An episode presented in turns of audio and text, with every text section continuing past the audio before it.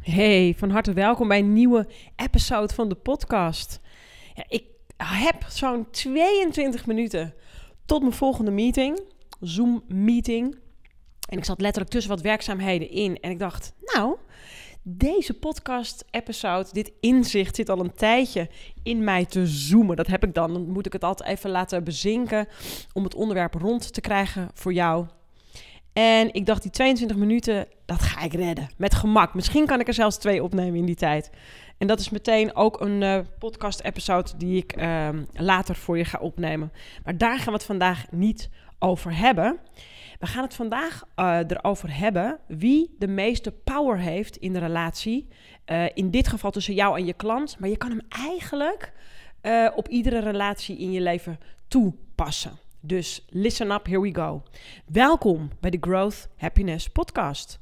Met, met even opnieuw jongens, met business tips en inzichten voor jou als ambitieuze ondernemer. Want jij wilt toch ook je omzet laten groeien naar het niveau waarvan je weet dat het er voor je is en waar je gelukkig van wordt.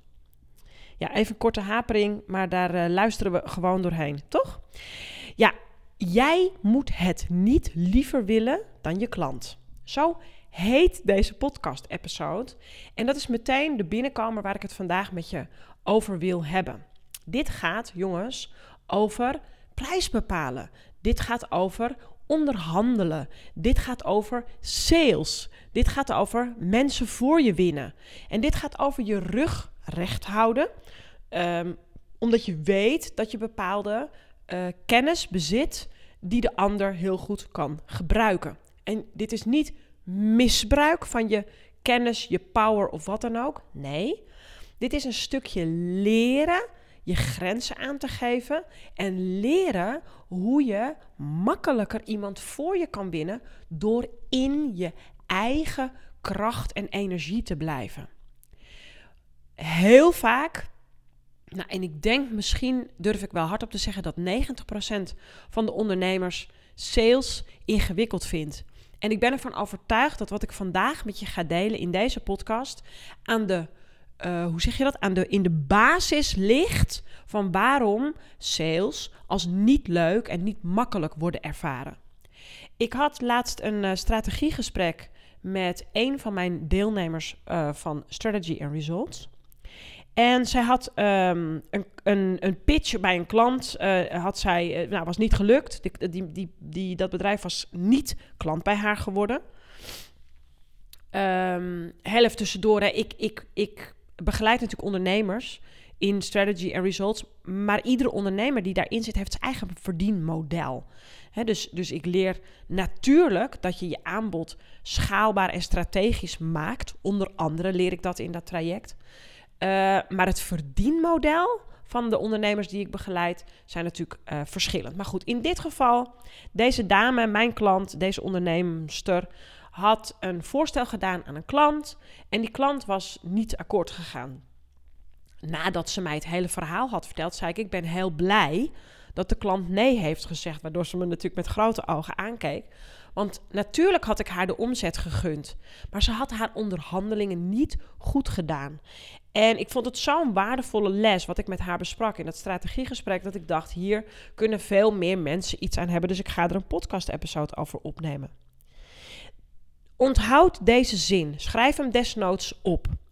The one in the relationship that has the least emotion has the most power. Ik zeg hem nog een keer. The one in the relationship that has the least emotion has the most power. Dus jij moet het niet liever willen dan je klant. Waarom? Dan staat je klant sterker in de onderhandeling dan jij. Zij was dus in de onderhandeling met haar klant gaan zakken met haar prijs. En uiteindelijk was ze zo laag gaan zitten met haar prijs. dat als ze inderdaad een half jaar voor deze klant was gaan werken. met het. Sorry, ik zit ondertussen mijn neus af te vegen. Want ik, heb een snifneus, jongen, sorry. Als zij daadwerkelijk voor het tarief was gaan werken waarvoor de klant wilde dat zij daarvoor ging werken en het aantal uur, was er gewoon heel veel omzet misgelopen. Doordat die klant uiteindelijk nee zei, want hij wilde zelfs nog minder, heeft zij nu ruimte om klanten aan te nemen in die uren die haar wel kunnen betalen. Die dus wel het tarief betalen waar, wat zij waard is. Niet wat ze wil, niet wat ze nodig heeft, nee, wat ze waard is. En jij bent natuurlijk als mens iets heel anders waard. je bent als moeder, als zus, als dochter, als, als, als partner, ben je natuurlijk onbetaalbaar. Dus ik vind altijd je waarde een beetje gek klinken omdat het soms kan lijken alsof jij dat waard bent. Het gaat, jongens, over de kennis die je bezit en wat het waard is op de markt. Het gaat om je marktwaarde. He, natuurlijk ben jij onmisbaar. Als je kleine kinderen hebt of wil je partner uh, die gewoon je rechterhelft is, jou nog tot je honderdste hebben. Maar dit gaat over dus je marktwaarde.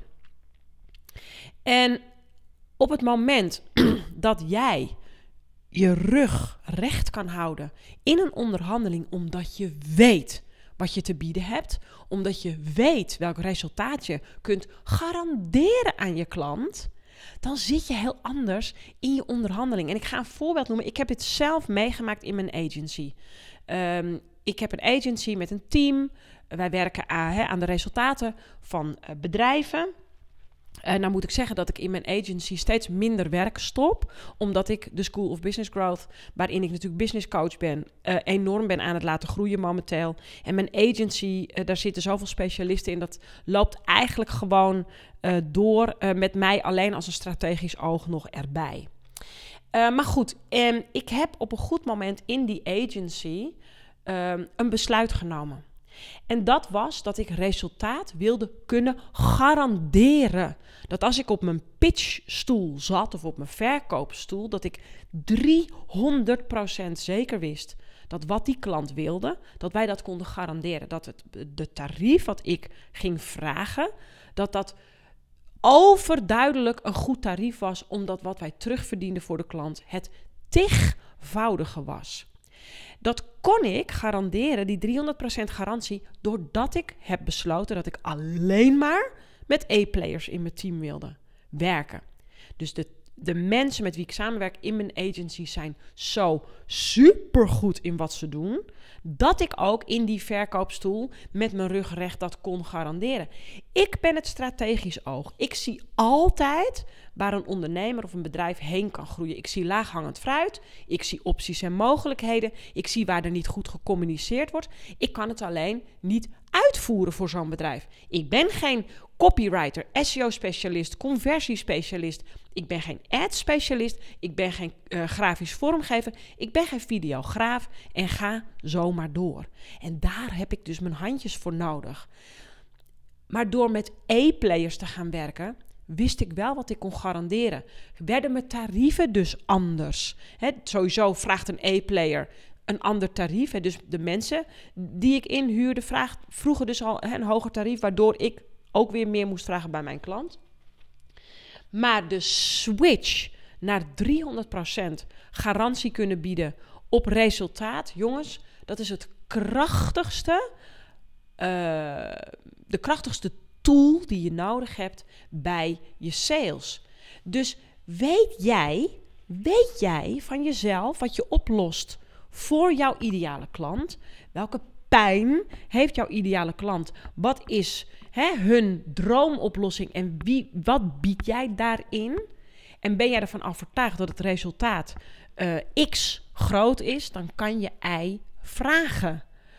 En dan kan je in je onderhandeling dus ook heel sterk staan op het moment dat iemand twijfelt. Op het moment dat iemand met bezwaren komt, kan jij die bezwaren weer leggen. En zo wordt sales dus vele malen makkelijker. Voel je hem? Ik hoop dat je deze voelt. Want dit is echt iets wat je in je onderbuik, waar je kracht zit, mag voelen. Dat je dus nooit hoeft te zakken met je prijs. Nooit. Je gaat nooit zakken met je prijs. En als iemand commentaar heeft op je prijs, kan je hem dus ook uh, verdedigen. Je kan bezwaren weerleggen. Want je weet dat het resultaat wat het oplevert vele malen groter is dan het bedrag wat je ervoor vraagt. En jongens, als je dit snapt, als je dit kunt nelen in je eigen onderneming, dan is sales echt een cookie. Want dan ga je leren communiceren in de taal van je ideale klant. En als jij weet dat je in hun taal kunt spreken en kunt zeggen dat jij de oplossing hebt voor waar zij mee lopen, maakt het alles een stuk makkelijker. Ehm, er zit ondertussen iemand aan de andere kant van de deur naar me te zwaaien, maar ik doe net alsof ik het niet zie, want ik raak er wel door afgeleid. maar eigenlijk was ik ook al full circle. Dus schrijf eens even voor jezelf op: wat is jouw superpower? En wat vraag jij voor deze superpower? En wat moet je er nog aan doen om 100% zeker te weten dat je die garantie kunt geven op die superpower die jij hebt? Heb je hier hulp bij nodig? Um, dan kan je natuurlijk altijd eventjes een gratis 30 minuten strategie call met mij inplannen. Dit is geen verkooppitch. Want ik werk niet met iedereen. Het is heel simpel. De keuze die ik heb gemaakt in mijn agency om alleen maar met A-players te werken, heb ik ook gemaakt voor de School of Business Growth. Ik wil alleen nog maar met ondernemers werken die A al ervaring hebben, dus al sales hebben gemaakt en al bewijs hebben geleverd aan zichzelf dat ze iets kunnen verkopen. Ik zeg altijd als je er één kan verkopen, kun je er honderd verkopen. Dus uh, ik ga mezelf niet zitten verkopen in een 30 minuten strategiecall. Ik ben heel benieuwd naar jou. Wat zijn je dromen? En wat is op dit moment je struggle waardoor je die droom nog niet hebt bereikt? En wie weet, ben ik er wel voor jou? Ben ik het wel voor jou? Maar ik geef je sowieso tips mee in die 30 minuten. Ik maak altijd een aantal van dit soort uh, plekjes in mijn agenda iedere week. Dus ik heb iedere week nou, drie, soms vier plekjes vrij voor dit soort calls. Verder heb ik er geen tijd meer voor. Dat is geen leugen. Ik ben druk. maar heel leuk als jij zegt van nou, Lisbeth, dat wil ik inderdaad wel. Want wat je hier zegt, dat is wat ik echt uh, wil leren, omdat ik weet dat ik een superpower heb. Dus uh, als dat zo is, ik zorg sowieso dat de link naar dat gesprek in, uh, de, in de podcast staat, in de podcastomschrijving. Mocht je hem nou op een of andere manier niet zien of niet aan kunnen klikken, ik weet nooit helemaal of, of het overzetten van die informatie naar de verschillende podcast-uitzenders, uh, of dat allemaal goed gaat, dan kan je altijd even naar de website gaan. Uh, de schoolofbusinessgrowth.com. Dus de schoolofbusinessgrowth.com met T-H-E ervoor. En dan kan je gewoon op verschillende plekken op mijn website kan je aanklikken na zo'n gratis 30 minuten uh, call met mij. Dus dat is altijd bereikbaar voor jou via de website. Yes? Voor nu wens ik je een hele fijne dag en hoor ik je graag weer in de volgende episode van de podcast. Bye!